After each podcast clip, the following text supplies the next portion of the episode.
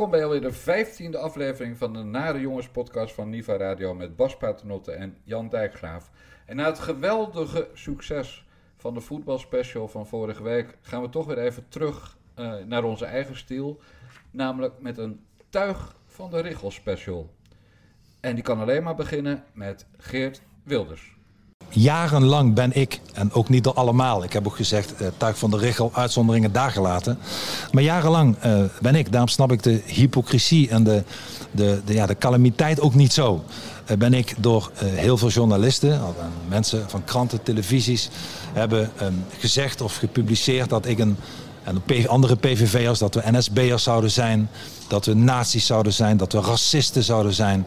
Dat we, dat we nou, je weet niet welke Godwin er weer over tafel ging. En uh, toen hoorde ik niet. En net stonden er ongeveer 500 journalisten met camera's mij te bevragen over hoe durft u iets tegen ons eh, journalisten te zeggen, terwijl ze...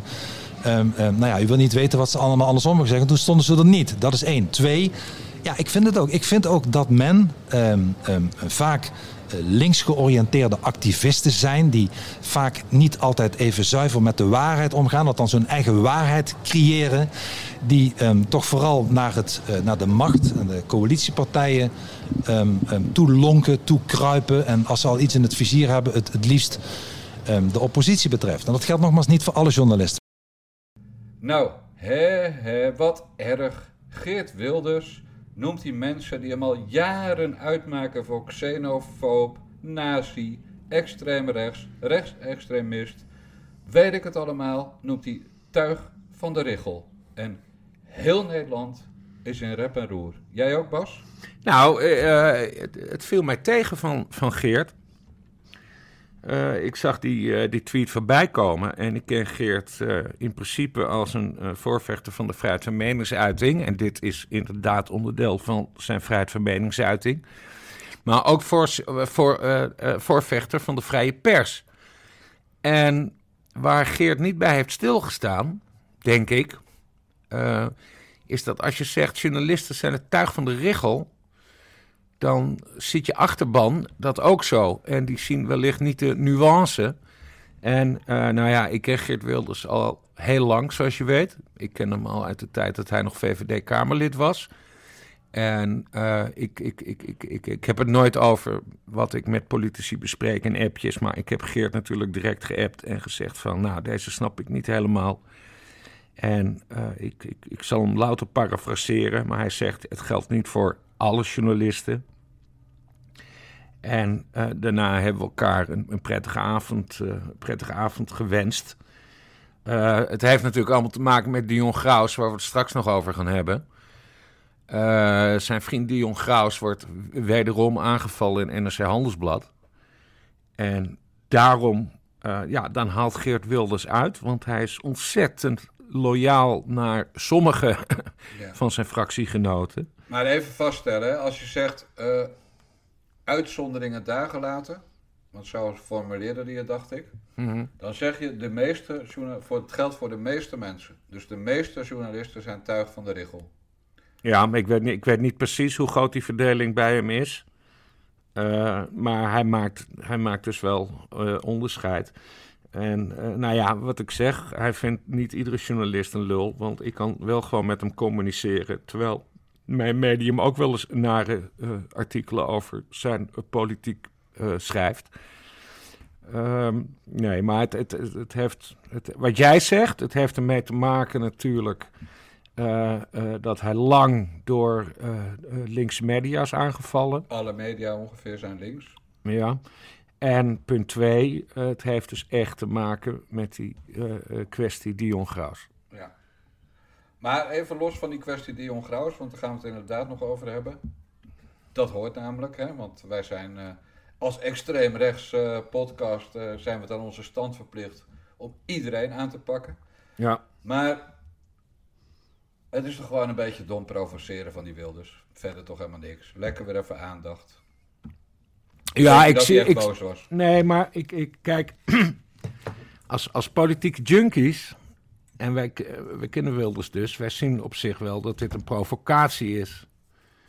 Maar in Deugland zien ze het als een directe aanval op de, op de vrije pers. En op de rechtsstaat. En, op de En alle rechtsstaat. journalisten zijn nu in gevaar. Ja. Nou ja, dat, dat ene punt van alle journalisten zijn in gevaar. Kijk, dat staat mij tegen. En dat heb ik dus tegen Wilders gezegd. Van, eh, je moet die achterban niet onderschatten. Hoezo niet? Wat doet hij dan?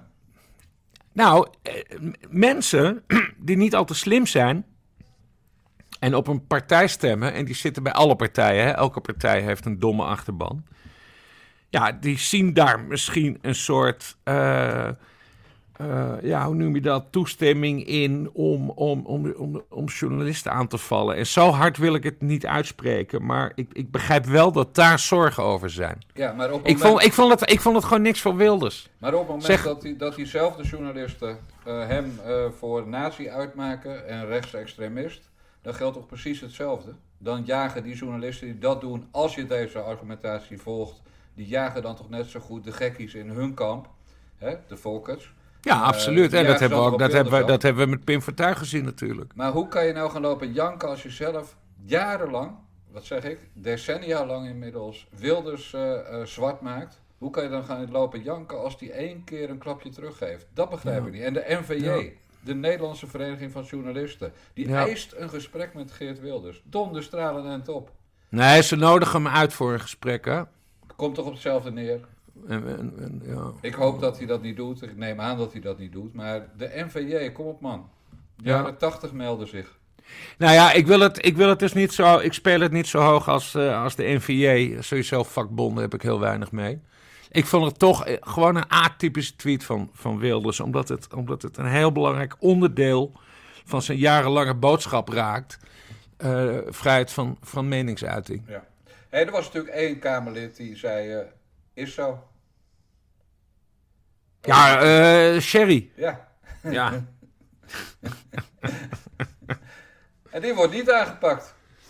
Nee, maar Neemt goed. niemand hem meer serieus, die man. Daar Ik- lijkt het op. Nou, dat is een heel goed punt wat je daar gooit, eh, Dijkgraaf. Eh, dat is natuurlijk de hele kwestie. Niemand neemt Sherry Baudet meer serieus met zijn forumland. En die, die kan in het rond slaan wat hij wil, ook naar de media. Maar eh, nee hoor, Eh, qua oppositie eh, kijken we naar Geert Wilders. En wat Sherry Baudet zegt, dat is allemaal niet meer zo interessant. Oké, maar even heel eerlijk dan.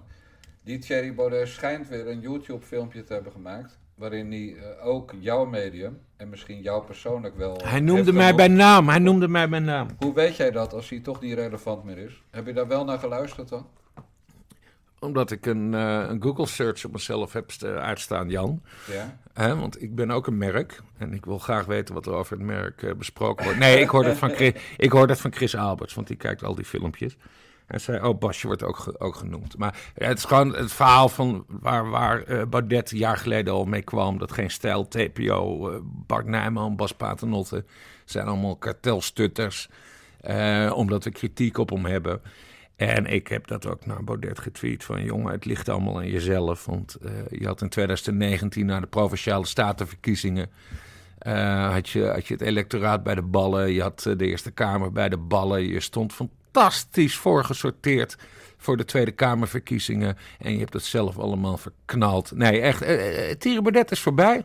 Ja, oké. Waarvan akte? Ja. Dood en begraven. Dood en begraven. Of- of- nou, nee, dat Oh, moeten we niet zeggen. Er komt gedonder van. Ja, ik wou zeggen, roep ik nu weer mensen op. Ja, nee, er komt gedonder van. Verdomme. Nou, eh, Thierry Baudet is voorbij, maar hij blijft leven en nog lang en gelukkig. Zo Ja. goed? Ja, hoop ik, hoop ik voor. Oké, dan gaan we nu naar de aanleiding van de opmerking van Wilders over het tuig van de Richel. Iemand anders die vermeend tuig van de Richel zou zijn. Dion Graus. Laten we wel wezen, net rook het hier heel mottig. Toen we hier binnenkwamen rook het heel mottig. En de kamerbodes ook, ja, dat komt allemaal van die roosters erachter vandaan. En dat is allemaal, was allemaal vies vlees wat je rook. En, ehm, maar alleen, ik, ik vind vegetariërs ook lekkerder ruiken. Eh, en, en, eh, en ze hebben... Ja, meneer Baudet. ik, heb, ik heb meer succes met de vrouwen gehad dan u, dat kan ik je garanderen. Dat, hoor. Maar... ja. Nee, maar... Ja, je, nee, maar dat is echt waar. Maar het moet, komt natuurlijk toch allemaal ook weer eruit, hè, wat je eet. Hè? Dat komt ook door je poriën en alles. Ja, maar je gaat het wel ruiken hoor. Echt. Nou ja, het was, eh, was weer prijs. NRC Hondersblad had weer een uh, karaktermoordverhaal waarin een anoniempje hem beschuldigt uh, van wederom seksueel ontoelaatbaar gedrag. Mevrouw Ariep, de Kamervoorzitter, die zou hem de toegang tot het Tweede Kamergebouw, behalve bij stemmingen, hebben ontraden. Want verbieden kan ze niet, maar heeft hij wel naar geluisterd. en die mevrouw in kwestie schijnt geen aangifte te hebben gedaan. Dus de politie doet niks en kan niks en weet niks. Nou, zeg het maar. Het is de zoveelste keer dat Dion Graus in opspraak is in een misbruikzaak, noem je dat zo? MeToo, MeToo we het MeToo noemen. Ja. En dan zouden er nu weer meer melders zijn. Uh, hij heeft er ook een verleden mee. Het is ook eerder uh, andere kwesties met zijn ex-vrouw, die zijn andere ex-vrouw die zijn al een keer onderzocht. Uh, daar, daar, was ook aangifte gedaan. En, en, ingetrokken. Dat, ingetrokken, geseponeerd, bla bla bla. Uh, in dit geval, want het gaat om Joyce. Ik heb haar wel eens ontmoet. Het is ontzettend, ontzettend leuk mens, vond ik het. Dat was dus nog in de tijd dat ze samen goed waren. Joyce en uh, Dion. wat ik niet snap.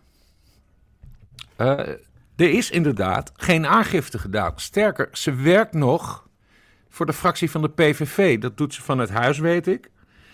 Maar er is nog steeds. Toch? Ja, dus zoiets. Ja. In ieder geval iets wat je vanuit huis kan doen en waarvoor je niet in de nationale vergaderzaal hoeft, uh, hoeft te zijn. Uh, een, uh, een, een, een, hele goede kennis van mij die ik erg bewonder, Tinkerbell, dat is de kunstenaresse. Je zit er dolle, toch, of niet? Nee, nee. Meen je dit? Ik ben, ja, nou, ik wij, hadden, wij gooiden vroeger bij TPO, gooiden wij borrels in de balie. En daar heb ik Tinkerbell heel vaak ontmoet. En ik vind haar een ontzettend leuk wijf. Jezus. Ja, nee, maar ze heeft scheid aan alles, Jan. Dat, dat, ik ben gek op kunstenaars en zo.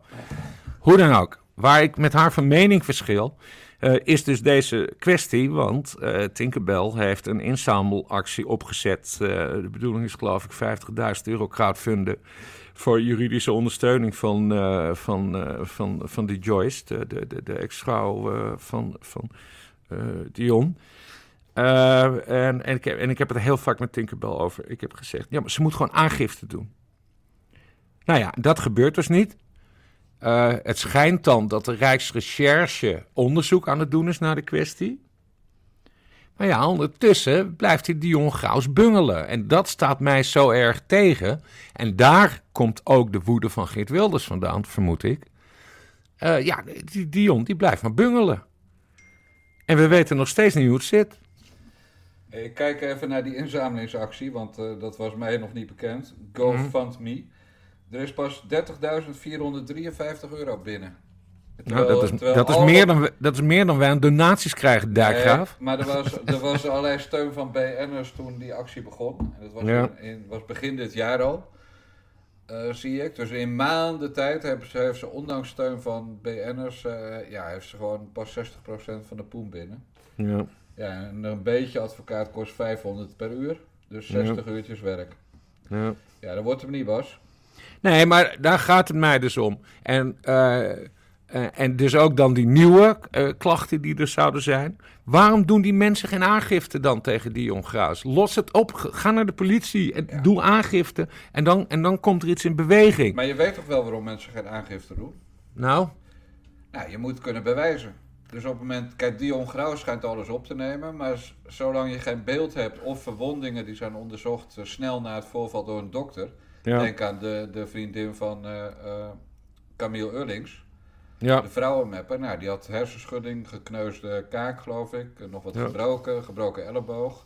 Ja, dan heb je een zaak. Maar op het moment dat jij tegen de muur bent gezet door Dion Graus in het Tweede Kamergebouw... en je wacht drie maanden met aangifte doen... dan is het jouw woord tegen het zijne. Ja. ja, dan verlies je het gewoon. Dat, dat, dat lijkt mij evident. Maar wat is jou als nare jongen, hoe kijk jij tegen deze zaak aan? Ja, ik zit, er, uh, ik zit er wel dubbel in. Want ik vind aan de ene kant altijd dat inderdaad meteen aangifte moet worden gedaan. Dus ook niet heel veel later. Hmm. Kijk, nu is er een, een pad gekozen. Dus heb ik het niet over de ex-vrouw van Dion, maar over de nieuwe zaak. Nu is er een pad gekozen van klagen bij uh, de Kamervoorzitter. De Kamervoorzitter heeft dan een gesprek met, uh, en die adviseert die mevrouw ook om aangifte te doen. Hij heeft een gesprek met Dion Graus gehad. We gaan er maar even vanuit dat het allemaal klopt, hè, wat in NRC stond. Ja. Eh, en vervolgens uh, adviseert ze of dringt ze er bij Grauwers op aan om weg te blijven. Nou, dat, dat vind ik allemaal te billig, hè, want veel meer kan ze niet doen. alleen op het moment dat dan die rare Vera Bergkamp wordt benoemd tot Kamervoorzitter, dan blijkt het de gewoonte dat Kamervoorzitters geen overdrachtsgesprek hebben. Dus, dus Vera Bergkamp is niet op de hoogte gebracht door Ariep hiervan. Was, Ja. dat, was dat omdat er geen overdrachtsgesprek plaats heeft? Was, of was het omdat Ariep gewoon rancuneus is en boos? Want ze schijnt ook amper te werken. Ze heeft nog geen vergadering in de plenaire zaal of een commissie bijgewoond. eh, sinds de verkiezingen. Dus ze is Kamerlid eh, zonder dat ze, dat ze werkt. Dus ik vond het ook een beetje raar dat Bergkamp hier niet van op de hoogte was. Nou, en dat, dat de dag dat eh, Bergkamp dan Kamervoorzitter is, meldt Dion zich weer gewoon overal in het Kamergebouw. Ja. Kijk, ik ben geen, eh geen regisseur en zeker geen zedenregisseur. Maar dat, eh, dat Dion wel erg vaak in de shit komt als het over vrouwen gaat, dat lijkt me geen nieuws. Maar dat wil niet zeggen dat het waar is. Dus, dus we hebben toch een, een sterkere zaak nodig.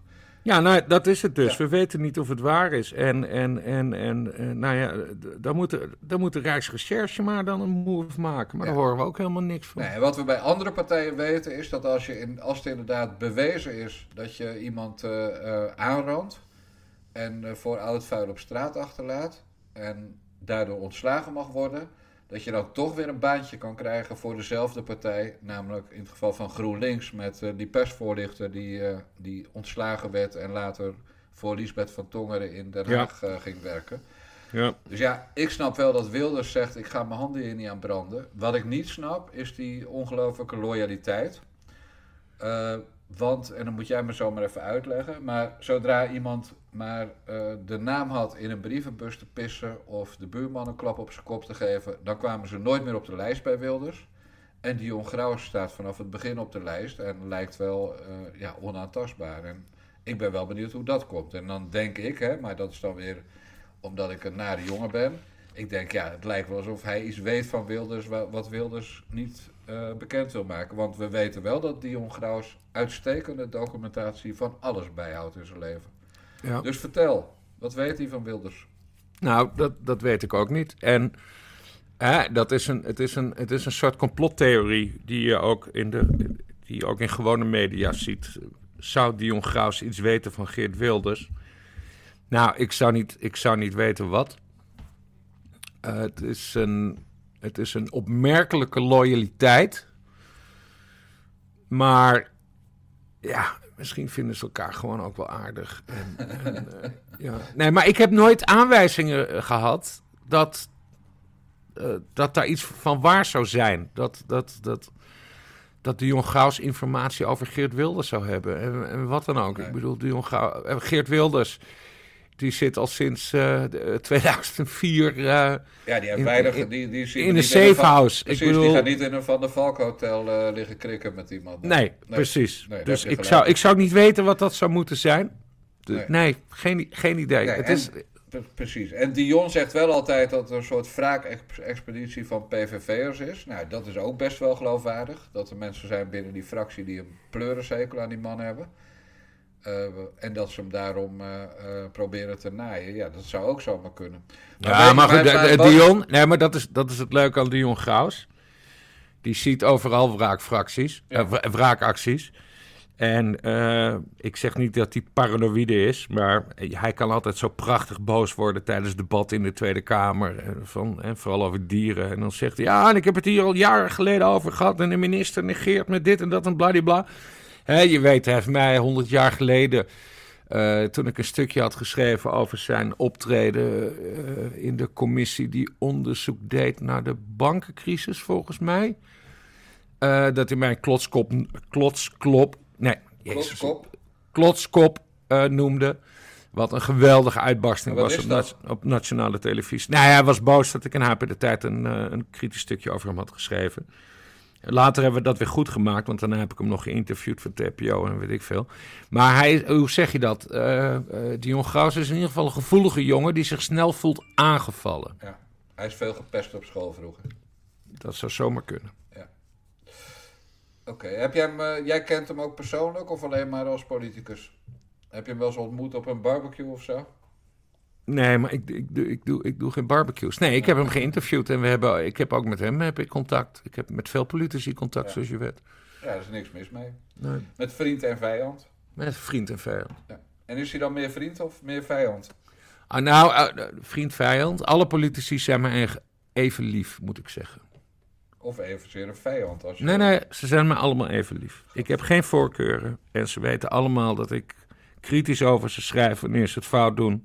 En wanneer ik eh, eh, denk dat ze iets positiefs doen. Hè? Dat, want dat, daar kun je in een column wel over schrijven. Eh, dan schrijf ik op van, nou, die en die politicus heeft iets, iets positiefs gedaan. Maar ik noteer nu het tweede minpuntje. Ja. Alle politici zijn me even lief. Volgens mij is het jouw vak om ze allemaal even niet lief te vinden in de basis. En ze allemaal niet te vertrouwen in de basis. Dat, is, e- dat is twee. En één is natuurlijk, ik hou van Tinkerbell. Dat vraagt echt een keer om een cultuurspecial. Nou, ik, ik, dan, dan moet ik het beter uitleggen. Ja, Waarmee- nee, nee, wacht even. Dit is heel, Dijkgraaf, dit is heel belangrijk. Dit is heel belangrijk. Met alle politici zijn me even, zijn me even lief. Bedoel ik dat ik nooit een politicus wil afzeiken. Omdat ik eh, het een naar mens vind. Ik, ik kijk puur naar hun prestaties en daar beoordeel ik ze op. Jij vindt niet één politicus een naar mens. Nee, zelfs Sigrid Kaag, wat, een, wat een echt een verschrikkelijk slechte politica is. Verschrikkelijk slechte politica. Maar als ze ooit, hypothetisch, iets goeds zou doen, dan zou ik dat direct zeggen. Hypothetisch, hè, want ze, ze, kan echt helemaal niks eigenlijk. En maar ze is ook een naar mens. Sterker nog, een vreselijk mens. Nou ja, in ieder geval, als, tot nu toe als politica komt ze er niet goed uit. Nee, maar als mens. Ja, maar ik Maar- ken haar niet als, ik ken haar niet als mens. Je ziet Ik bedoel- een stuitende arrogantie. Je ziet hoe ze neerkijkt op, op Jan en alle man. En niet alleen op de gewone man of op de FVD-stemmer, maar werkelijk op iedereen. En ook op dat hele Ja. Haagse circus. Ze kijkt op iedereen neer. Ja. Nee, maar daarom, beoordeel, naar beoor- mens? Daarom beoordeel ik ze op hun kwaliteiten. Nou, en als ze beter de best doet, dan krijgen ze ook betere pers. Hè? En dat is, dat is trouwens hetzelfde met die, met die, met die Thierry Baudet. Eh, in de aanloop naar de verkiezingen van 2017 had je allemaal van die linkse media die zeiden... oh, Baudet krijgt alleen maar goede pers bij TPO. En D66'ers die gingen roepen van... eh, eh, jullie zijn de Baudet-boden. Ja, vriend, dat kwam omdat Baudet goed bezig was. En dan schrijf je dat op. En sinds 2019 ging het mis. En toen werd Baudet opeens boos op diezelfde Baudet-bode, namelijk TPO. Ja. En dat snappen, eh, dat snappen politici niet en sommige linkse journalisten niet. Eh, dat TPO, in ieder geval ik, of hoe je het noemen wilt, wij schrijven fair en balanced. Dus als je iets goeds doet, krijg je complimenten. Als je het verneukt, krijg je een schop onder je hol. Nee, dat zal allemaal wel. Maar dat zegt niks over of iemand een naar mens is. En er zitten best wel nare mensen in de Tweede Kamer. Ratten. Zitten, zitten ratten in de Tweede Kamer. Ja, ik ken, dat weet ik uit jouw briefjes. En, en ik ben daar iets milder in. We hoeven niet altijd eens te zijn, hè? Nee, zeker niet. Maar dat iedereen deugt, terwijl volgens mij de journalistieke basishouding... Ik zeg, niet, ik zeg niet dat ze deugen. Ik zeg dat ze me allemaal even lief zijn. Ze krijgen. Ja, ik denk dat dit de, de, de juiste definitie is. Ik geef ze allemaal een gelijke kans. Ja. Oh, je geeft, geef je ze nou allemaal het voordeel van de twijfel? Nee, een gelijke kans. Ja, ja. Een gelijke kans om zich te bewijzen. Ja, dus ze beginnen allemaal op nul. Ja, exact. Ja. Nou, wie is, nu, wie is nu inmiddels ongeveer naar min 10 op een schaal van 0 tot 10? Eh, eh, Baudet eh, is, is de, de min 10 al overschreden. Mark Rutte is de min 10 overschreden. Sigrid Kaag is de min 10 overschreden. Ja, dat zijn wel de grootste, denk ik hoor. Op dit moment. En hoe, hij is weg, maar wat voor, waar had je Pechtold geplaatst? Oh, Pechtold, daar hebben we het wel eens over gehad. Nee, dat is een. eh, Alexander Pechtold is een intens slecht mens. nee, maar eh, die anekdote hebben we hier al een keer verteld. dat hij mij heeft, dat wel. heeft ja, maar naar mens, eh, niemand. En nu is Alexander Pechtold een intens slecht mens. Ja, Ja. je hebt gelijk. Maar hij is ook formeel geen politicus meer, dus nu mag ik dat Oh, zeggen. nou ja, oké. Oké. Hey, eh, laten we naar de volgende tuig van de richeltype gaan. Iemand over wie het heel, heel druk had moeten zijn, maar over wie het best wel stil bleef. Waar eh, de politie ook wel op doorvroeg was van... ehm, ja, jij zegt van je wilt hem naar Nederland halen voor een kort verblijf. Maar was dat indirect niet een poging om hem naar Nederland te halen... en dan vervolgens in die asielprocedure te zetten? En daar ben ik ook heel helder over geweest. Van nee, het was echt de bedoeling op dat moment waar we toen stonden. Ik, ik overwoog toen ook om naar, om naar Turkije te gaan, omdat dat altijd al wel mijn plan was. Ehm, maar dat was echt op dat moment voor een kort bezoek. En dat hebben we ook aangevinkt in die documenten. Ik weet zeker dat geen luisteraar die stem herkent. Want ja, het is compleet stilgebleven. Maar het is dus gewoon een, een journaliste die vanaf ge- vorige week een veroordeeld crimineel is. Ans Boersma. Het scharreltje van een mannetje die voor Al-Nusra misschien wel wat eh, ja, kop heeft gesneld. Aziz A. Ja. Vertel, waarom bleef het zo stil in de media? Ik weet niet waarom het stil bleef. Ik heb er een eh, stukje over getikt. Als Boersma is dus eh, de ex-vriendin van de Bali-terrorist. Een, eh, een, een, moslimterrorist die inmiddels vastzit. En die jaren terug een keer in de Bali opdook. waar notabene slachtoffers zaten. Hans Boersma die bleek later, of die werd ervan verdacht... hem te hebben geholpen met het indienen van een valse visumaanvraag. Eh, en toen was zij al haar ex-vriendje. Eh, het Openbaar Ministerie wilde, moet ik even kijken, één seconde.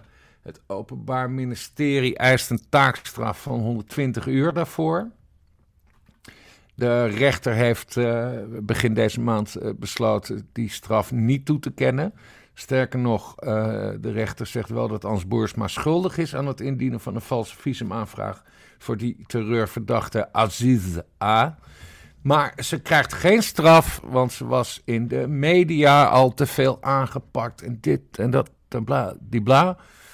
Eh, en dan ze op de taart. Ze heeft ook nog een schadevergoeding gekregen van de Nederlandse staat. De wereld op zijn kop, Jan Dergraaf. Ja. En die stond los van die rechtszaken. Dat was een, eh, was een deal buiten de rechtszaak om, toch? Ja, buiten de rechtszaak Precies. om, maar wel om dezelfde kwestie. Ja, dat, eh, en dat had te maken met de manier waarop ze is opgepakt. Eh, dus ze was niet uitgenodigd voor vriendelijk voor een gesprek als ze toch een keer in Nederland zou zijn. Maar ze was in Turkije opgepakt en teruggestuurd naar Nederland. En wie stond er toen weer op de achterste benen? De Nederlandse Vereniging van Journalisten. En vreselijke types als die anti-Zwarte Piet-activiste Frederike Geerdink.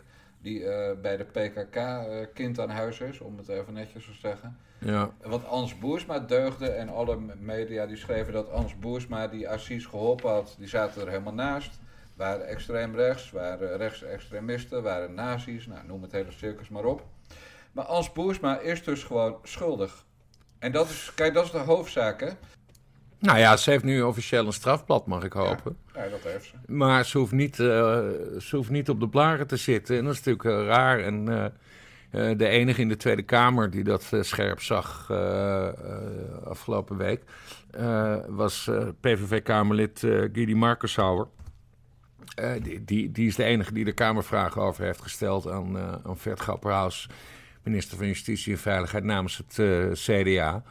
Eh, van, nou, leg maar uit. eh, hoe beoordeel je het feit dat Boersma is eh, veroordeeld voor het vals invullen van documenten om een visum te krijgen voor een kopstuk van een Syrische terreurorganisatie? Ja.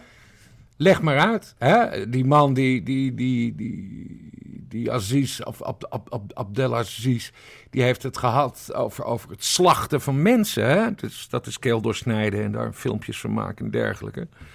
Eh, nou, dat vindt de rechtbank schijnbaar heel normaal om daar dan geen eh, eh, letterlijke straf aan te koppelen. Ja, dus zij heeft natuurlijk zelf die koppen niet afgesneden. Maar zij heeft wel hem gefaciliteerd om naar Nederland te Nou ja, precies. Een, een, een, een oorlogsmisdadiger. Ja. Een terrorist. Ja, ja, En hij zit ook vast, hè? En zijn broer. Ja, precies. Ze, mo- ze, moeten nog, ze, ze moeten nog bericht worden. Ja. Ja, en die zal best een flinke duw gaan krijgen. Maar hoe verklaar je dan die schadevergoeding? Is, Ja. dat, is dat dan terecht? Of, of... Daar, is, daar is heel weinig informatie over. Ja. En, eh, en ja, ik weet het niet. Eh, kijk, wij zijn nare jongens, maar zijn wij ooit in opspraak gekomen omdat, omdat wij een, een document voor een visum voor een moslimterrorist invullen? Nee, natuurlijk niet. Nee. Zij heeft dat wel gedaan.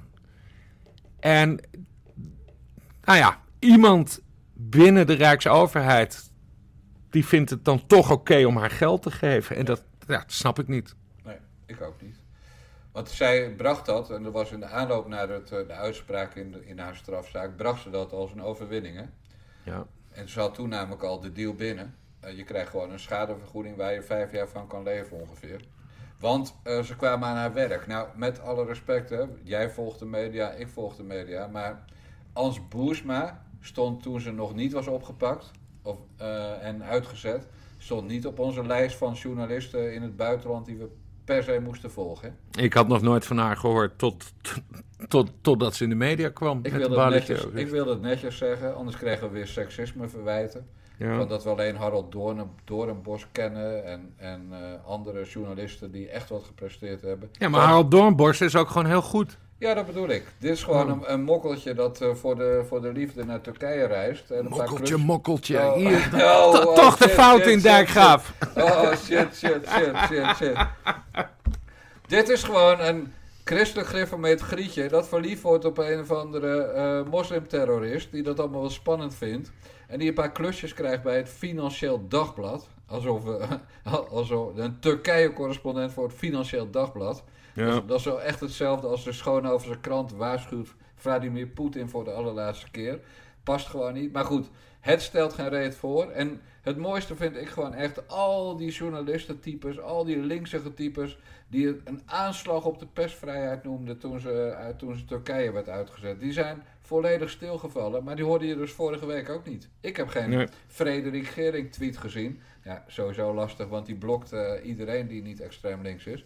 Maar geen tweet van Frederik Gering gezien, of van de NVJ, of van, van andere Iets mensen. zegt mij dat alle sympathisanten van Anders Boersma eh, wel blij zijn dat het nu achter de rug is. Ja, oké. Over het binnenhalen van terroristen gesproken. Het was weer zover. Alle landen om ons heen zeggen... Mensen uit eh, Syrië die kozen voor het kalifaat, lekker daar blijven. Nou, alle landen, niet alle landen, België niet. Maar Duitsland wel en Frankrijk wel. Die zeggen gewoon eh, nationaliteit ontnemen en lekker opzouten. En Nederland haalt ze stiekem terug. So I'm, I'm here today with a, with a clear and, and well-defined mandate to, to receive uh, in the care of uh, our mission a small number of Dutch nationals who have uh, up till now been uh, residing in uh, Al Rosh uh, detention facility. Ja, eh, het terughalen van die ISIS-mevrouw. Nieuws, wat trouwens gebroken werd door Harold Doornbos, waar we Juist. net over, eh, eh, net over hadden. Wat een hele mooie primeur was. Ja, in principe wel dat kabinet dit ook niet. Je had vroeger bij het CDA, dat was voor de verkiezingen, had je Madeleine van Torenburg. Die node wordt gemist. Ze is niet teruggekeerd naar de verkiezingen, want ze wilde niet langer in de Tweede Kamer. Maar zij zei als CDA-justitievrouw in de Kamer altijd: we gaan ze niet terughalen. Nou, en nu, eh, nu is er toch een, een, een terroriste teruggehaald. En, en, en drie kinderen waarvan we niet weten in hoeverre ze geïndoctrineerd zijn. Ik hoef jou niet te vertellen over ISIS-filmpjes. Eh, waar je kinderen van tien jaar eh, eh, mensen ziet doodschieten. Nee, het is, het, is, het, is, het is bizar, het is bizar, het is bizar. VVD is met name boos. Ja, We nemen dit op op dinsdag. Dinsdag was het vragenuur. Mevrouw van de VVD was heel erg boos dat, dat het is teruggehaald. Nou ja, goed. Ze zitten allemaal in een coalitie. En er wordt onderhandeld over een nieuwe coalitie. Dus je moet nog maar zien wat daar precies uitkomt. Geert Wilders wil heel graag een debat. Ik weet niet of dat eh, debat eh, erin zit. Maar nee, we halen, we halen mensen, we halen ISIS-terroristen opeens op uit Syrië. De Kamer wilde het niet zeg ik en eh, maak ik een filijne opmerking. Eh, dit is eh, gebeurd onder de minister van Buitenland, mede onder de verantwoordelijkheid van de minister van Buitenlandse Zaken. En zoals we weten is dat inmiddels niet meer Stef Blok van de VVD, maar is dat Sigrid Kaag van D66. En dat moet u onthouden. En het flutargument dat wordt gebruikt is, ja, maar als we dat niet hadden gedaan, dan hadden we het niet kunnen berechten in Nederland. En dan was ze onder de radar gebleven en nu houden we zicht op haar. Maar gemiddeld krijgt zo'n zo'n mokkel dat terugkomt. Dus zeg maar zo'n grietje dat zogenaamd alleen heeft staan koken daar in het kalifaat. Uh, en dat de kinderen natuurlijk helemaal niet heeft geïndoctrineerd om uh, te leren schieten en messen te gebruiken. Normaal krijgen die in Nederland ja, een jaartje straf, waarvan, uh, nou laten we zeggen 18 maanden, waarvan 12 voorwaardelijk. En van die 6 hoef je dan met twee derde uit te zitten. Dus, en dat is meestal in voorarrest al gebeurd. Kortom, na de rechtszaak loopt deze mevrouw uit Gouda naar buiten en gaat gewoon vrolijk terug naar Gouda om haar gif verder te verspreiden. Want dit was ook gewoon een, een uh, recruiter van de Islamitische Staat. Ja, en in dat opzicht is er iets interessants gebeurd uh, deze week. Uh, daar heb ik een stukje over getikt. Het Openbaar Ministerie heeft een mevrouw uit Uithoren, dat is volgens mij een heel lieflijk dorpje in Noord-Holland, uh, die zich inzette voor de, uh, even kijken hoe heet dat, elektronische jihad.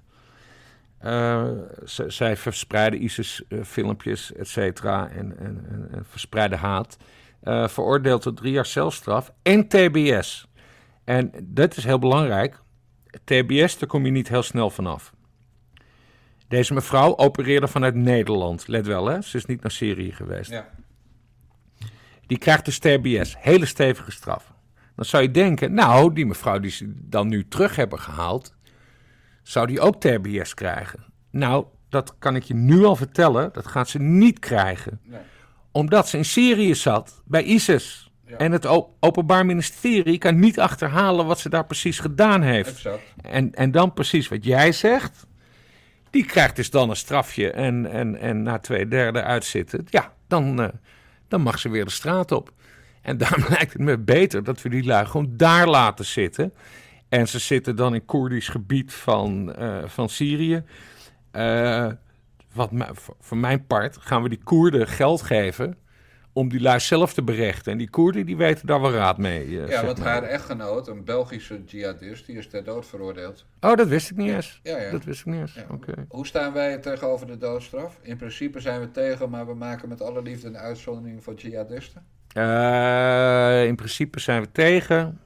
Uh, in, het, in, het, in het geval van dit, dit kruidvat van islamisme neig ik naar een uitzondering. Uh, wel belangrijk dat, uh, dat de rechtsgang goed wordt gevolgd. En van mijn part mag dat van mijn belastinggeld, dat wij die Koerden wat centen geven, om het allemaal goed uit te zoeken. Maar nee, ik bedoel, als je mensen in kooien stopt en, en laat zakken in een zwembad, of mensen in kooien stopt en in brand steekt, of als je mensen op een plein het hoofd afsnijdt en ze, ze op spaken zet in Raqqa. Nee, dan, dan, dan, dan, hè, do as the Romans do, dan, dan, nee, dan ben ik niet zo heel erg gekant tegen de doodstraf als het daar gebeurt. En daar moeten we ze dus ook niet hier naartoe halen. Nee, want hier is het dus vier maanden zitten Ja, en daar is het de doodstraf. exact. Wellicht, ja. En dan zeg jij liever daar, want ik ben dan wel voor de doodstraf. Ja, maar goed, dan moeten we die rechtsgang wel een beetje in de gaten houden. Mag van mijn centen, maar dat komt er natuurlijk nooit doorheen. Ja, het is allemaal niet zo moeilijk. Je moet ze gewoon niet naar Nederland halen. Dit zijn mensen die bereid zijn te sterven voor een idiote ideologie. En, en, en als, of ze het nou in Syrië doen, in Raqqa of in, in Amsterdam, Centraal Station. Het maakt ze geen flikker uit. Het is een doodscultus. Ja, en, en die uh, advocaten, die zeebrechtsachtigen, die roepen natuurlijk na dit geval... President, alle vrouwen willen terug. Ja, maar dat is, dat is dus het grote probleem. En dat gaat gebeuren. En dat gaat dus gebeuren ook. Ja. En in hoeverre is dit nou Sigrid Kaag? Nou ja, dat weet ik niet, maar ik vind het wel opvallend. Ik vraag me af of uh, Stef Blok dit... Uh, ja, die was hè, iemand stelt zoiets voor in de... Hè, je hebt een ministerraad. Uh, het ministerie van Justitie krijgt informatie binnen. Het ministerie van Buitenlandse Zaken krijgt informatie binnen. Iemand in de ministerraad die neemt dan het voortouw en zegt van... we gaan deze mensen terughalen. Ik weet niet of Stef Blok die lead had genomen. Nou ja, dat was in elk geval tegen het verkiezingsprogramma van de VVD ingegaan. Tegen een besluit van het vorige kabinet en tegen de hoogste rechter in Nederland. Ja. Die zegt het hoeft allemaal niet. Je mag ze lekker daar laten zitten. Dus ik denk dat het antwoord is nee, dat had Stef Blok niet gedaan. Nee. Maar Nou. dat maakt Kaag dus een gevaarlijke vrouw. Als Kaag hier inderdaad achter zit. Nou ja, eh, kijk ook naar haar subsidie voor, eh, voor eh, waar we het eerder over hebben gehad, voor Palestijnenclubs. Eh ik weet niet of ze, nou ja, is ze gevaarlijk? Is gevaarlijk? Dat is wel een heel, heel hard oordeel. Maar ze neigt wel een bepaalde kant altijd op. En dat is gewoon irritant. En dat, en dat is ook geen geheim, want dat, dat heeft de Telegraaf ook geschreven. Mark Rutte heeft ruzie met haar gehad over haar Palestijnen standpunt. Eh, en nee, niet Palestijnen, dat zijn niet ISIS, weet ik ook natuurlijk. Maar eh, ze heeft een zekere hang naar dat, eh, naar dat Midden-Oosten. Eh, terwijl ik juist denk dat het belangrijk is dat we zo min mogelijk met het Midden-Oosten hebben te maken. Behalve dan Israël, een baker van licht Ja, en olie. en olie. En Ja, het olie. WK voetbal, zodat wij weer in Qatar, zodat wij weer een, eh, een leuke voetbalspecial kunnen maken volgend jaar. Ja, voetbal gaan we het ook nog over hebben. Want jij weet dat eh, het WK in Qatar eind volgend jaar is, hè? Ja, dat wist In ik de niet winter. eens. Ik- Omdat ik- het daar te warm is om zomers te voetballen, is het in de winter. En dan is het nog steeds 30 graden, toch? Ja, zoiets. En, en ik ga jou nu al een scoop vertellen, Bas. Mhm. Frank de Boer is daar geen bondscoach. Maar we hebben het zo nog even over Frank de Boer. Ja. hey, we zijn bezig met een Tuig van de Richel special. Mensen die willen doneren, die weten waar het kan. En als ze het niet weten, zullen we het even zeggen. Via de website van TPO gewoon. Via narejongens.backme.org en via bunk.me slash Niva Radio. En Bas die zei net dat het te weinig gedoneerd wordt. En dat is ook zo. En dat betekent dat wij over een tijdje gewoon zeggen... Mensen, als jullie het allemaal geen waard vinden, is dat ons prima. Maar dan gaan wij op eh, dinsdag en woensdag lekker andere dingen doen. Dan gaan we, gaan we kajakken, dan gaan we een potje badmintonnen. Dan gaan we eh, allemaal boeken over voetbal lezen, zodat we minder dan 100 fouten maken. De volgende keer. Dus doneer en anders kappen we er gewoon mee. Want 15 keer, dan mag er wel een beetje leven in komen. En als je niet wil doneren, heb je ook groot gelijk. Want soms is het kut. Zoals vorige week, was een drama. met Zeedorf. Die, die, met Davids die voor Zeedorf wordt aangezien. Ik geloof door mij. Het kan ook Bas geweest zijn. Maar ik Nee, dat was, dat was jij. En ik, en ik zat in de fout met, eh, met die jongen die niet van PSV was, maar van Feyenoord.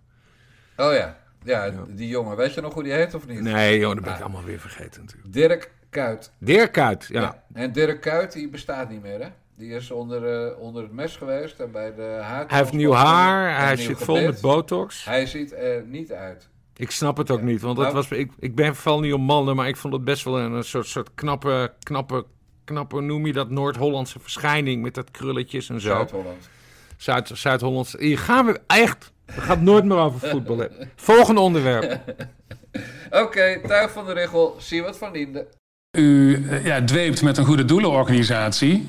eh, Op de radio, overal op televisie. En ondertussen wordt er heel veel geld verdiend. Ehm, ja, hoe leg je dat uit in crisistijd? Nou, dat is- Mega winst. Dat is dus onuitlegbaar. Ehm, en het moeilijke is ook dat in de beeldvorming nu ontstaat alsof die stichting amper heeft bestaan of gebruikt is om tot een commerciële overeenkomst te komen.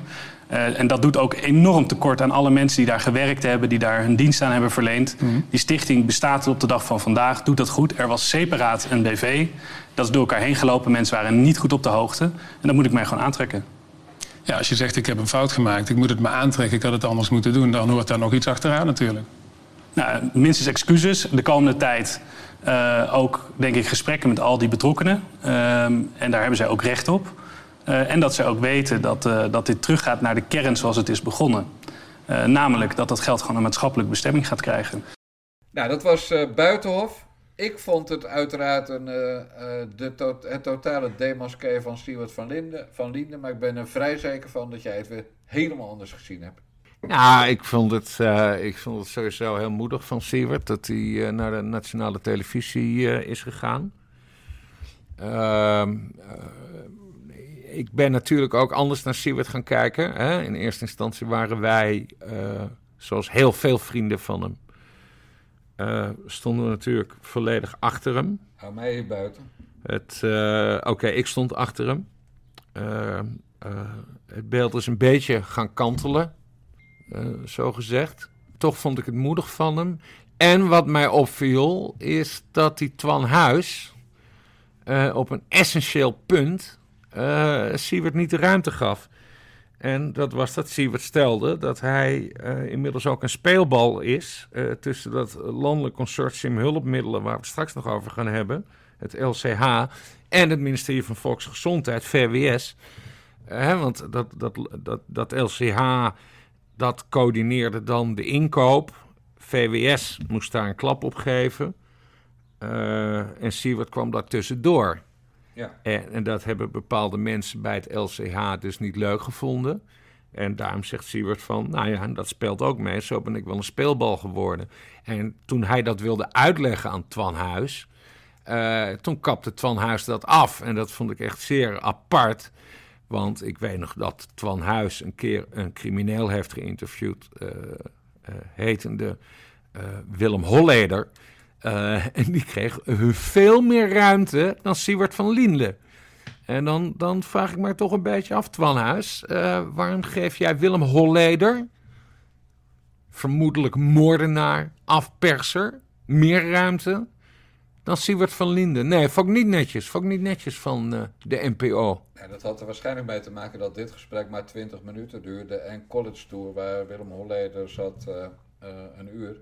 Ja. Maar ja, weet je, als iemand tijdens een interview met mij zou beginnen. Ik ben dus niet de beste interviewer van Nederland, net zo min als Twan Huis dat is. Maar als iemand begint met. Nou, ik ben, ben nu bij de beste interviewer van Nederland.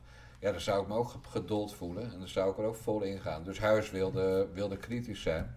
Ja. Uh, Huis maakte al veel meer fouten. Hij vergat Mediek te noemen. Siewert gaf wel even met het private equity verhaal gaf hij even een voorzet. Die werd ook niet ingekopt. Nee, werd ook niet op doorgevraagd. Vond ik ook heel eh, grote misser. Jij, wat, wat, uh, wat heel grappig was, was dat het NOS-journaal en, en later ook allerlei andere media riepen, en daarom was, kwam Siewert er veel te goed uit, die riepen dat hij uh, zijn winst ging inzetten voor het goede doel.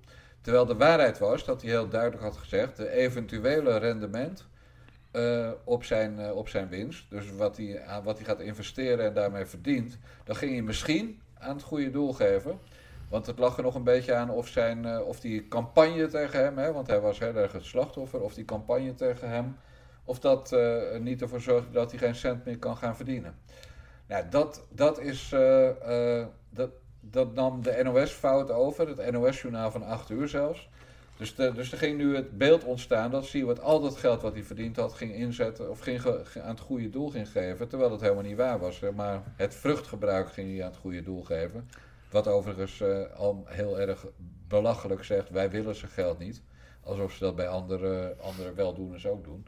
Maar Twan Huis was ruk. Maar jij, jij trapt ook in een val en dat is namelijk ruis op de lijn. Je gaat er weer aan voorbij dat hij nu voor het eerst heeft moeten toegeven dat hij een smerige leugenaar is. En dat blijft wat mij betreft het enige wat die klootzak te verwijten valt. Dat een smerige leugenaar is. Ja, en, klootzak, dat, klootzak, klootzak. Ja, een leugenaar. Als je liegt ben je gewoon een klootzak. Ik ben, ik ben gewoon loyaal naar oude kennissen. En ik geef toe dat ik het verkeerd heb ingezien. Trouwens, je hebt wel gelijk hè, over, over, over dat frame van dat hij die 9 miljoen dat zou inzetten voor het goede doel. Nee, dat gaat hij dus doen vanaf het, uh, met het rendement. Nou, jij weet inmiddels als grootverdiener, dankzij, jou, dankzij jouw prachtige uh, biografie, uh, dat volgens mij als je boven de 100.000 euro op je spaarrekening hebt, ga je negatieve rente betalen. dus dat rendement komt niet van een spaarrekening. Dus dan zal Siewert het moeten beleggen. Nou, en dat is, dat is dan ook nog maar heel spannend wat dan het rendement wordt. Wordt het 2%, wordt het 3%? Volgens mij echt... Hè, dat grote beleggen, dat, dat, dat, dat bestaat niet. Uh, dus wat hij nou die goede doelen gaat geven, die het zelf overigens niet willen hebben... Ja, dat, dat worden niet hele grote bedragen, denk ik. En die 9 miljoen, ja, daar blijft hij uh, lekker op zitten natuurlijk. Ja, dat gaat hij natuurlijk ook gewoon gebruiken. Maar ik wil even wat details nog uh, tegen je aanhouden. Het eerste detail is dat de vrouw van Siewert van Liende, Ilse van Eck, die ook bij de gemeente Amsterdam werkt, net als waar hij werkte, en die daar uh, gezondheidsgedragsbeïnvloeder uh, is, onder andere op het gebied van gezondheid. Mhm. Die heeft vanaf maart 2020, dus toen Siewert in de mondkapjeshandel ging, tot een aantal maanden daarna zeer fanatiek promotie gemaakt voor het gebruik van mondkapjes op haar Twitter-account. Mhm. Toen de buit binnen was, die 9 miljoen, En wat er allemaal nog bij kwam, hè? want hij verdiende ook nog 15 mil per maand aan managementvergoeding vanaf een bepaald moment. Maar toen de buit binnen was, stopte Ilse van Hek, ambtenaar van de gemeente Amsterdam, net als Stewart, stopte met de promotie van mondkapjes op haar Twitter-account.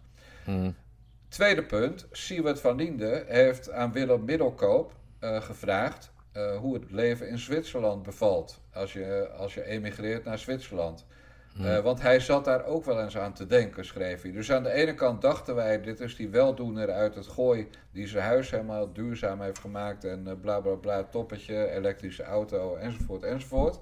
Maar ondertussen vroeg hij dus hoe het leven... in de zomer eind vorig jaar geweest... hoe het leven in Zwitserland was. Want hij dacht ook wel aan emigreren. Daarnaast heeft hij op Twitter een keer de vraag gesteld... en hij, net als ik, verwijdert hij via tweet al zijn oude tweets... Ik doe dat voor alles ouder dan een week. Ik weet niet wat zijn termijn is. Maar hij heeft Mhm. ook nog een keer op Twitter gevraagd. En dat was ook eind vorig jaar. Hoeveel geld heb je eigenlijk nodig om nooit meer te hoeven werken? En toen vroeg een ander aan hem. Ja, dat ligt aan je situatie. En toen antwoordde uh, Stewart. 30 jaar, twee kinderen, vier keer modaal. Oftewel, hij wilde dan vier keer per modaal per jaar verdienen. Vier keer modaal is ongeveer 140.000 euro bruto. Wat, wat hij dan nodig had om te kunnen leven. Nou, zelfs in Zwitserland kan je, als je niet werkt, van 140.000 euro prima leven. Heb je, heb je, kom je helemaal niks tekort. Zeker niet als je huis gratis is. Dus hij was ook be hij was bezig met verhuizen naar Zwitserland.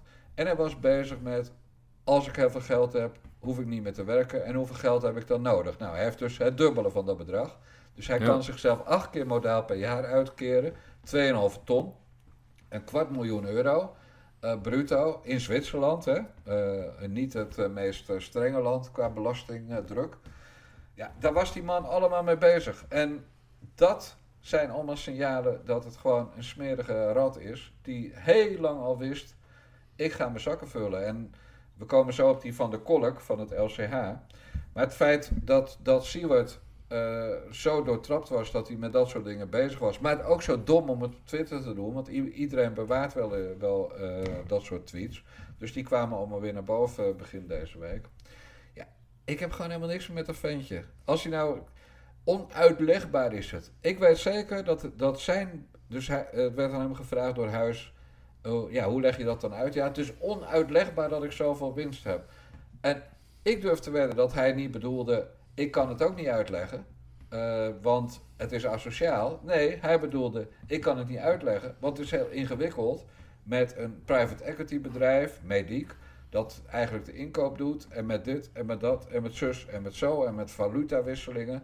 Dus hij bedoelde gewoon, het is te moeilijk om te begrijpen hoe het allemaal werkt. En hij bedoelde niet, ik kan het niet uitleggen omdat het moreel asociaal is wat ik gedaan heb. Ja, maar hij, dat vond ik wel zwak aan Siewert. Uh, hij wekte ook een beetje de indruk alsof het hem was overkomen. Hè? Van, ja. uh, oh gossie, uh, ik heb opeens 9, 9 miljoen euro op mijn rekening. Wacht, wacht, dit is, dit, dit, hey, hier is iets aan de hand.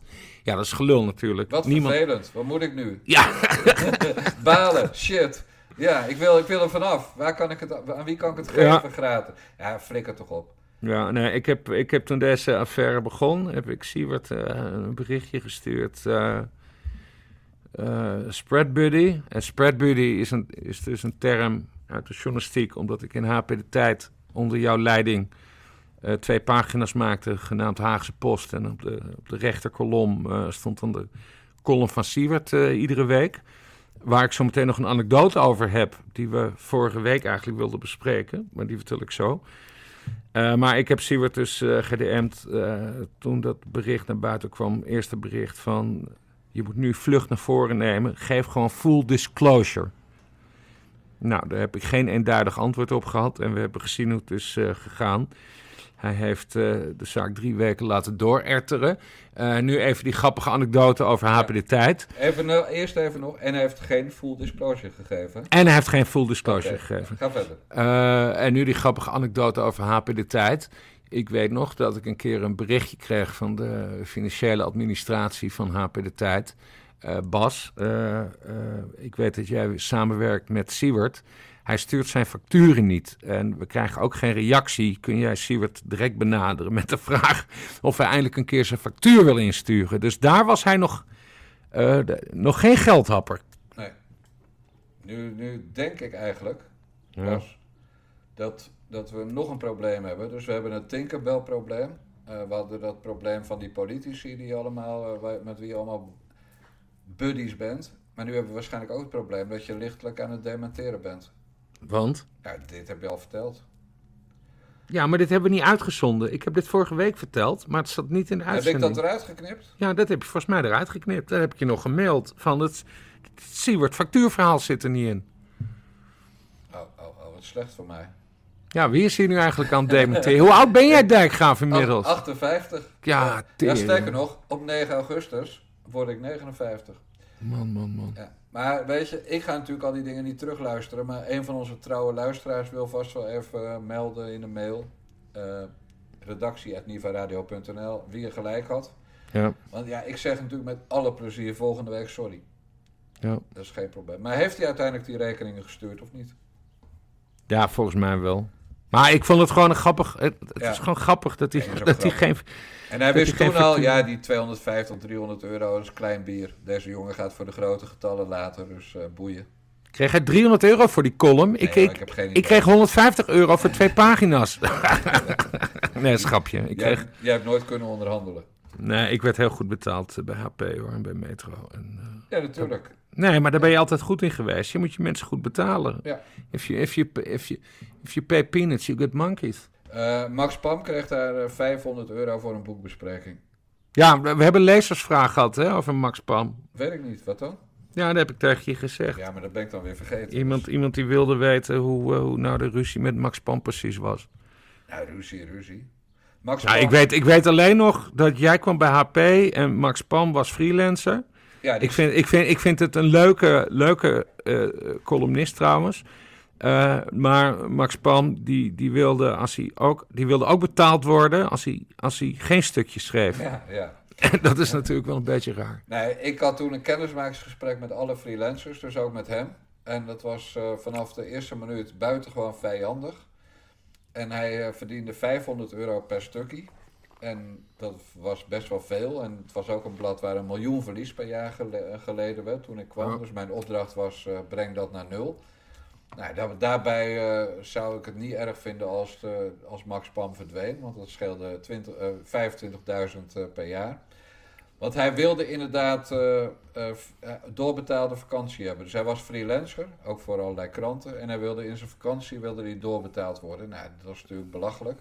Ja. En verder ja, had, maakte hij me gewoon duidelijk dat hij het helemaal niks vond dat ik daar hoofdredacteur was. En volgens mij, maar ja, je weet dat, dat ik aan het dementeren ben. Maar volgens mij kwam hij eigenlijk gewoon vertellen dat hij ermee ging kappen als ik niet eh à la minuut vertrok. Ja. Ja, en al dus geschieden. Nou, uiteindelijk ben je weggegaan, maar niet eh, voordat, hij- je, voordat je dat miljoen, had miljoen Ja. verlies had teruggebracht tot nul. Ja. Want dat heb je heel goed gedaan. Ja, en inmiddels hebben ze een hoofdredacteur die crack gebruikt. Dus eh, hebben we begrepen. Uit, uit de, de werken van Arthur van Amerongen. Ja. Eh, dus ja, het, eh, het gaat nu goed daar hoor. Toppie. Ja, we gaan nog een keer een HP de tijdspecial Ah, maken. Want het was, het was wel. Het was, nee, maar even serieus. Dat is ook, ook leuk voor de luisteraartjes. Dan, dan hebben jullie iets om naar uit te kijken. Eh, jij werd hoofdredacteur van dat, dat grachtengordel, die grachtengordel Citadel HP de Tijd. En eh, die hele oude garde, die vond het verschrikkelijk. Maar ondertussen hebben we ook extreem gave dingen gedaan. In de cover bij de PVV en weet, weet ik veel. Ja. Dus nee, daar gaan we nog een keer een, eh, een speciaal aflevering van maken. Want ik vond het eigenlijk ik vond het leuker zelfs dan Metro. We doen dat alleen als, eh, als eh, de donateurs ons faciliteren. Want anders zijn we al lang gekapt tegen de tijd dat, dat ik echt geen beter onderwerp heb dan dat. Ja, waar kunnen ze storten, Dijkgraaf? Ja, dat heb ik al zo vaak verteld. Op onze pagina bij tpo.nl, via nadejongens.backme.org of via bunk.me slash nivaradio. En wij zijn jongens die het kleine echt wel eren. Wij wel. Dus we zijn het grote ook weert. Exact. heet. Ja, zoiets. Exact. Ja, en anders gaan we mokken uitbrengen hoor. Fuck it. ja, ik heb zo'n mok gekocht hè, van Brussen. Het Dat meen je niet. Ja, ja, ik gebruik hem nu als pennenhouder. Een mok met de kop van Bert Brussen erop. Nee, het is een varkentje. En dan, en dan Oh, staat er bo- Everybody loves Bert Brussen.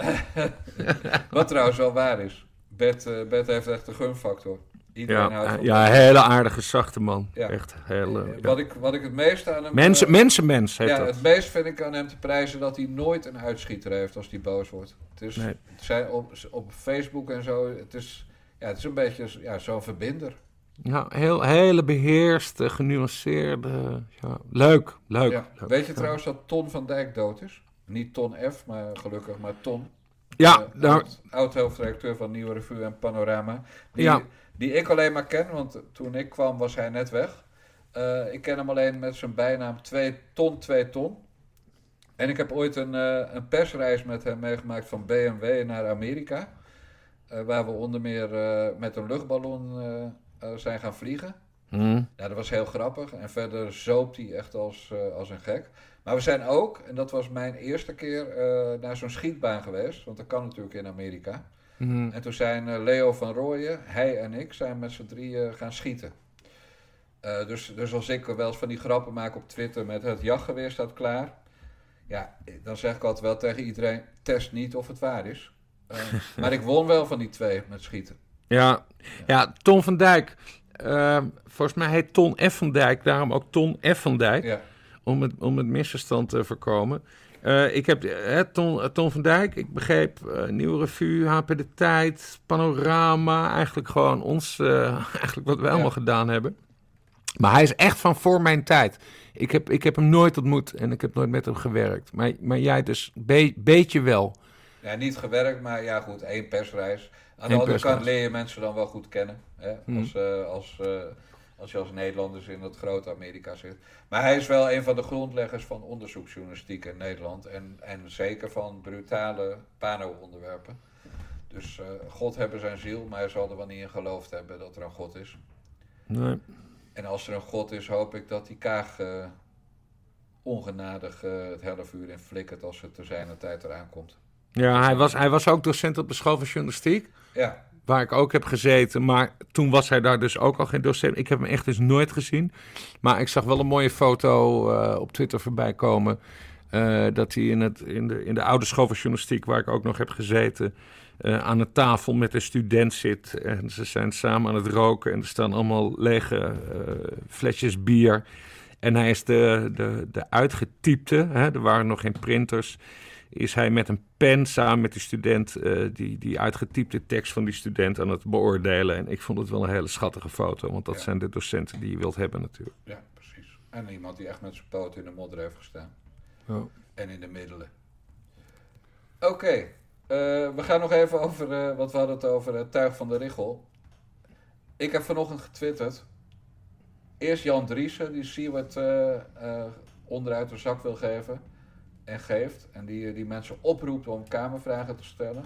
Dan Sandertje Schimmelpenning, die, is, die erg tegen lynchpartij is. Maar die vervolgens nu al weken Siewert aan het lynchen is. Echt op een, op een asociale manier. Hè. Dat zouden wij nooit doen. eh, Mhm. Terwijl wij daarna de jongens zijn. Toen kwam ook nog gisteravond bij Met het oog op morgen deze meneer aan het woord. Rob van der Kolk. Nou ja, ik denk dat wij het fantastisch goed gedaan hebben, ja. Ja. Want wij hebben, kijk, moet, wij hebben artsen, wij, er waren artsen. Er was een, een, een, een KK, KK Jung, is een vaat, vaatchirurg bij ons.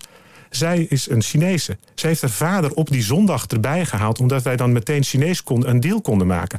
We hebben een deal daarmee gemaakt. We hebben een vliegtuig geregeld. En we hebben in het eerste weekend al de eerste mondkapjes geregeld. De panda-mondkapjes. En die liggen een paar weken later in een ziekenhuis. Ja. Er komt een co-assistent die zegt... ik heb met die panda-mondkapjes gewerkt. Dat is toch fantastisch? Ja.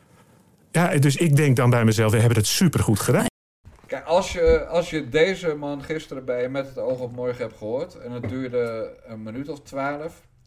A, de interviewer was ook daar buitengewoon slecht... en alle voorzetjes waren door de redactie voorgekoud. Maar ik heb zelden zo'n... zelden iemand gezien die in zijn reet...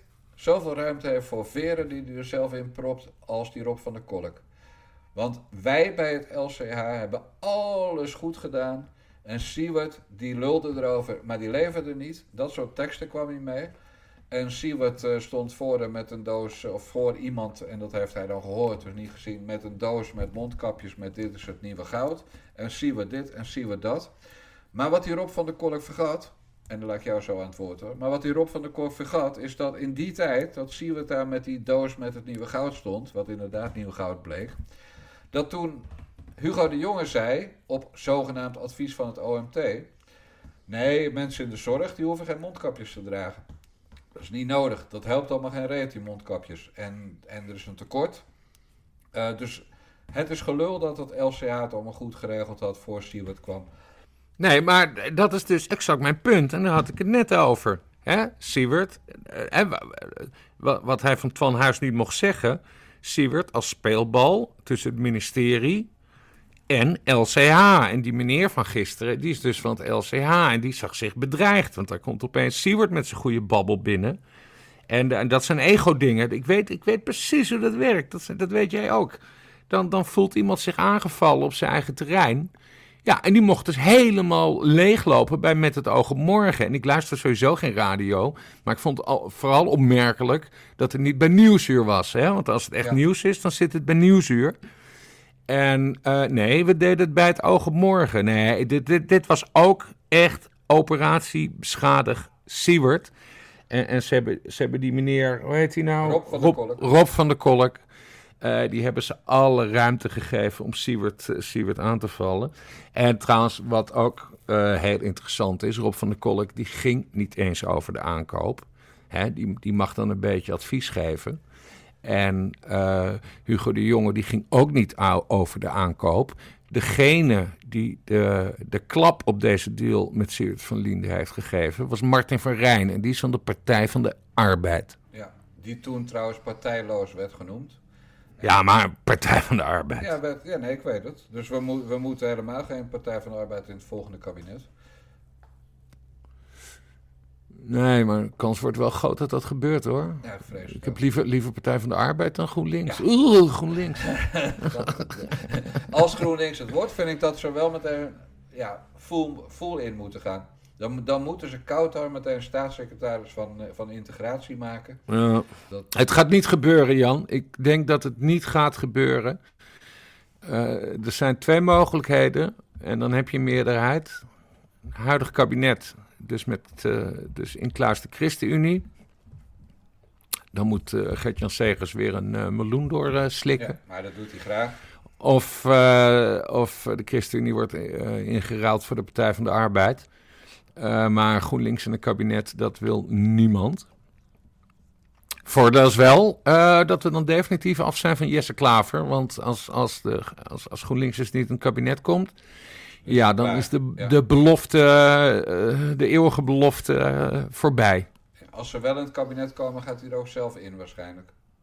Ja, dat zou zomaar kunnen, maar ik zie het niet gebeuren. Daar, Mark, kijk, hè, Mark Rutte, Quicksilver is in staat om met iedereen samen te werken. Maar voor zowel hem als Wopke Hoekstra van het CDA, een kabinet met GroenLinks, echt, dat zijn halve communisten. Dat willen we niet.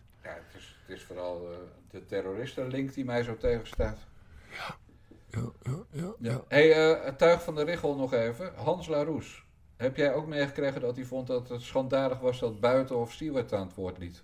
Ja, maar ja, ja ik heb daar woedend over getweet. Ik zag het. oh, ik vind, ik vind Buitenhof geen programma voor typetjes, typetjes zei hij. Ja. Voor typetjes als Siewert. Fuck off, Hans Laroes. Sorry, ik schreeuw. Had ik niet moeten doen. Fuck off, Hans Laroes. Uh, je bent de baas geweest van het NOS. Je weet hoe hoor en wederhoor werkt. Uh, je weet hoe televisie werkt. Uh, ik vond het supermoedig van Siewert en van Buitenhof dat ze hem in die uitzending hebben gehaald. Maar meneer Larousse, hè, de, de, de, grote deugdgestapo-leider... Uh, die had liever niet dat Siewert op nationale televisie was verschenen. En wat is daar zo kwalijk aan? Want hij heeft heel veel nare dingen over Siewert getweet. Uh, je mag dus wel op Siewert inhakken... maar je mag hem geen weerwoord bieden. Ja. En dat is echt heel erg ziek. Dat is de linkse inquisitie. Exact hey, dan moeten we, voor we afsluiten, toch even de prognose van komende zondag doen. Ja, we gaan het over voetbal hebben, waar we zoveel fout hebben gemaakt volgende week. Ja, maar één Vorige ding is, week. één ding is zeker. Zondag 13 juni speelt het Nederlands elftal in de Johan Cruijff Arena tegen Oekraïne. En ja, wij moeten natuurlijk om ons te revancheren van vorige week een, een voorspelling doen qua uitslag. Even voor jou. Eh, de telling gaat niet zoals bij tennis van 15 love, 30 love. maar de telling is gewoon een doelpunt. Dus als je binnen dat witte vlak eh, schiet en hij is volledig over de lijn de bal en hij wordt niet afgekeurd, dan is het een doelpunt. Dus eh, je hebt bijvoorbeeld uitslagen als 0-0, dan is, er- zijn er 0 doelpunten. Of 1-0 voor de, thuis, de thuisploeg is Nederland. Dus als jij zegt 1-0, dan wint Nederland met 1-0 van Oekraïne. En als je zegt 1-3, dan verliest Nederland met 1-3 van Oekraïne. Nou, enzovoort. Eh, dus, dus geen smoes volgende week met... Ik snapte niet hoe die puntentelling bij voetbal werkt, eh, Dijkgraaf. Bas, Nederland-Oekraïne, zondag 13 juni. Wat wordt de uitslag? Ik heb echt geen idee. Ja, dat, dat slaat nergens op. Nee, gewoon- maar ik weet- ik weet niet- maar gewoon wat. Het, het enige wat ik weet van, eh, van Oekraïne. eh, eh, ik ken Oekraïne goed namelijk. is omdat ik zoveel stukjes heb getikt over het associatieverdrag met, met Oekraïne. Waar, eh, maar ik weet, ik, ik, ik weet niks van Oekraïne. Ja, ze waren fout in de oorlog. Heel veel, nee, serieus. Eh, heel Dan veel win, je, Oekra- dan win je de toto niet mee. Gewoon een Heel, veel Oekraïners, laat me nou uitspreken. Eh, heel veel Oekraïners, eh, die waren kampbewaarders voor de SS. Het, het is een heel naar land. Ik vind ook, dat hele associatieverdrag vond ik ook intens kut. Want ze zijn de, ze zijn de perfecte buffer tussen Rusland en het Vrije Westen. En, en dan gaan we nu ook nog tegen ze... Hoezo gaan we trouwens tegen Oekraïne voetballen op het EK? Sinds wanneer doet Oekraïne mee aan het EK? Weet jij dat? Nou, Nee, weet ik niet. Het, het, het EK begint aanstaande vrijdag. Dus sinds aanstaande vrijdag eh, gaat, gaat Oekraïne meedoen. Ze hebben zich gewoon gekwalificeerd. Maar dit is de eerste keer dat ze meedoen aan een EK. Bas, maar je maakt nu de denkfout dat eh, een EK voetbal gaat, dat het een EU-kampioenschap is. Het is gewoon een Europees kampioenschap. Dus Rusland heeft ook meegedaan aan het EK. Sterker, wel eens in de finale tegen Nederland gestaan. Dus het Oekraïne is gewoon een land. Ik vind, in- ik vind, in ik vind ook belachelijk dat, dat Rusland mee mag doen aan een EK. Dat, dat, dat- dat is onzin. Ja, maar dat zijn helemaal de feiten. Maar dit zijn allemaal afleidingen. Het is allemaal gesiewerd om te voorkomen dat je voor schut gaat met een hele verkeerde uitslag. Oké, we winnen met 3-2. Oekraïne. We winnen met 3-2. Oké, ik zeg 1-2 nederlaag. Dus Frank de Boer die komt na, na zondag nog meer onder vuur omdat ze met 1-2 gaan verliezen. Dus we gaan volgende week, eh, ja, dan gaan we kijken wie er, eh, wie er gelijk had. Ja, 3-2. En, en hoe vind je het erg van Donny? Ja, oh god, ik heb daar een bericht over. Donny mag niet mee. Bijna goed. Donny, Donny heeft corona. Nou, bijna goed. Wat is de achternaam van Donny? Donny van der Beek ja, wat is met hem aan de hand? uit Nijkerkerveen. Ja. Hij heeft bij Manchester United volgens Frank de Boer 4000 minuten gespeeld en in werkelijkheid ongeveer 1500 minuten. Hij is geblesseerd, Bas. Oh, En die bijgoochem van een Frank de Boer vindt het niet nodig om een vervanger op te roepen, terwijl dat wel zou mogen. dus wacht even. We, we, eh, 11 keer 2. We, we mogen met 22 man naar zo'n toernooi, nee, toch? meer. Om, vanwege corona mogen er wat meer. Omdat ze eh, Oké. me- iets minder in conditie zijn. Maar wij hebben dus één minder. Ja, Ja, dat vind ik niet slim. Weet je, oh dat, oh, dat wilde ik nog googelen. wat? Eh, hij deed mee aan een EK of een WK en dat was ontzettend cool, want, want hij kreeg schuim op zijn schoen tijdens een penalty of zo. Dino Martins? Zeg maar helemaal niks. Mar, Mar, Mar, nee, Martins, Martins. Wat is Indy? Martins Indy. Bruno. Leeft hij nog? Waarom doet hij nooit meer mee? Daar was ik fan van. Ja, die speelt nu, dacht ik bij, ja, dan gaat Bob Dijkgraaf morgen weer allemaal heel vervelende tweetjes sturen. Maar die, ik dacht bij AZ in Alkmaar. Ja, Ja, op een gegeven moment is het ook over hè, met de carrière. Oké. Martins Nee, Mar- Indy, ja. Martins Indy was geweldig. De- de- of de- er werd een strafschop, strafschop genomen. En toen kwam de scheidsrechter. En ik weet niet of ze die, dat systeem nog steeds gebruiken. Maar die had een soort, soort spuitbus met schuim. En dan moeten ze achter, de, achter, achter die lijn blijven staan. Maar die Martins Indy, echt een geweldige man. eh, die kreeg dat schuim op zijn schoen. En die kreeg een prachtige woedeaanval. Nee, daar was ik in, gewoon direct fan van. Ja. Maar daarna nooit meer gezien. Heel raar. Maar hoezo bij een strafschop dan? Weet ik Ik veel. je bij een moest- vrije trap. Een vrije trap. Ze moesten achter een lijntje staan. Dat was het hele ding. Weet je ook de afstand die ze moeten... eh, Ja, 16 meter dijkgraaf. Nee, 9 meter 15 was. Goed, moeten we nog hebben over je gezinsuitbreiding uitbreiding als afsluiter? Nee, want het is nog steeds niet zeker of die overleeft, hè, die kleine. Dus ja, want je hebt, een je hebt de alpaca's. Ja, en een van de alpaca's, Solana, die, dat, is, Hm. eh, dat is de enige vrouwtje die we hadden, die hebben we zwanger gekregen. Of drachtig heet dat. En die eh, zou eh, rond eh, begin juli moeten bevallen, maar die heeft afgelopen zaterdag al de worp gedaan. Mhm. En ja, dat beestje is dus een paar kilo te licht en heel zwak. En gaat elke dag wel iets beter. Maar ja, we weten nog steeds niet of zij het redt. Het is ook een meisje. Ja. Een bruin meisje. Dus ja, natuurlijk hoop ik dat ze het redt. Want ja, je kan niet genoeg bruine meisjes in het land hebben, dacht ik zo. Maar even zonder dolle... even Mooie, zonder mooie dolle- inclusieve afsluiting. Even eh. zonder dolle Bas. Het is een, eh, een, een primeur, want dit is de allereerste alpaca die ooit in Eestega is geboren.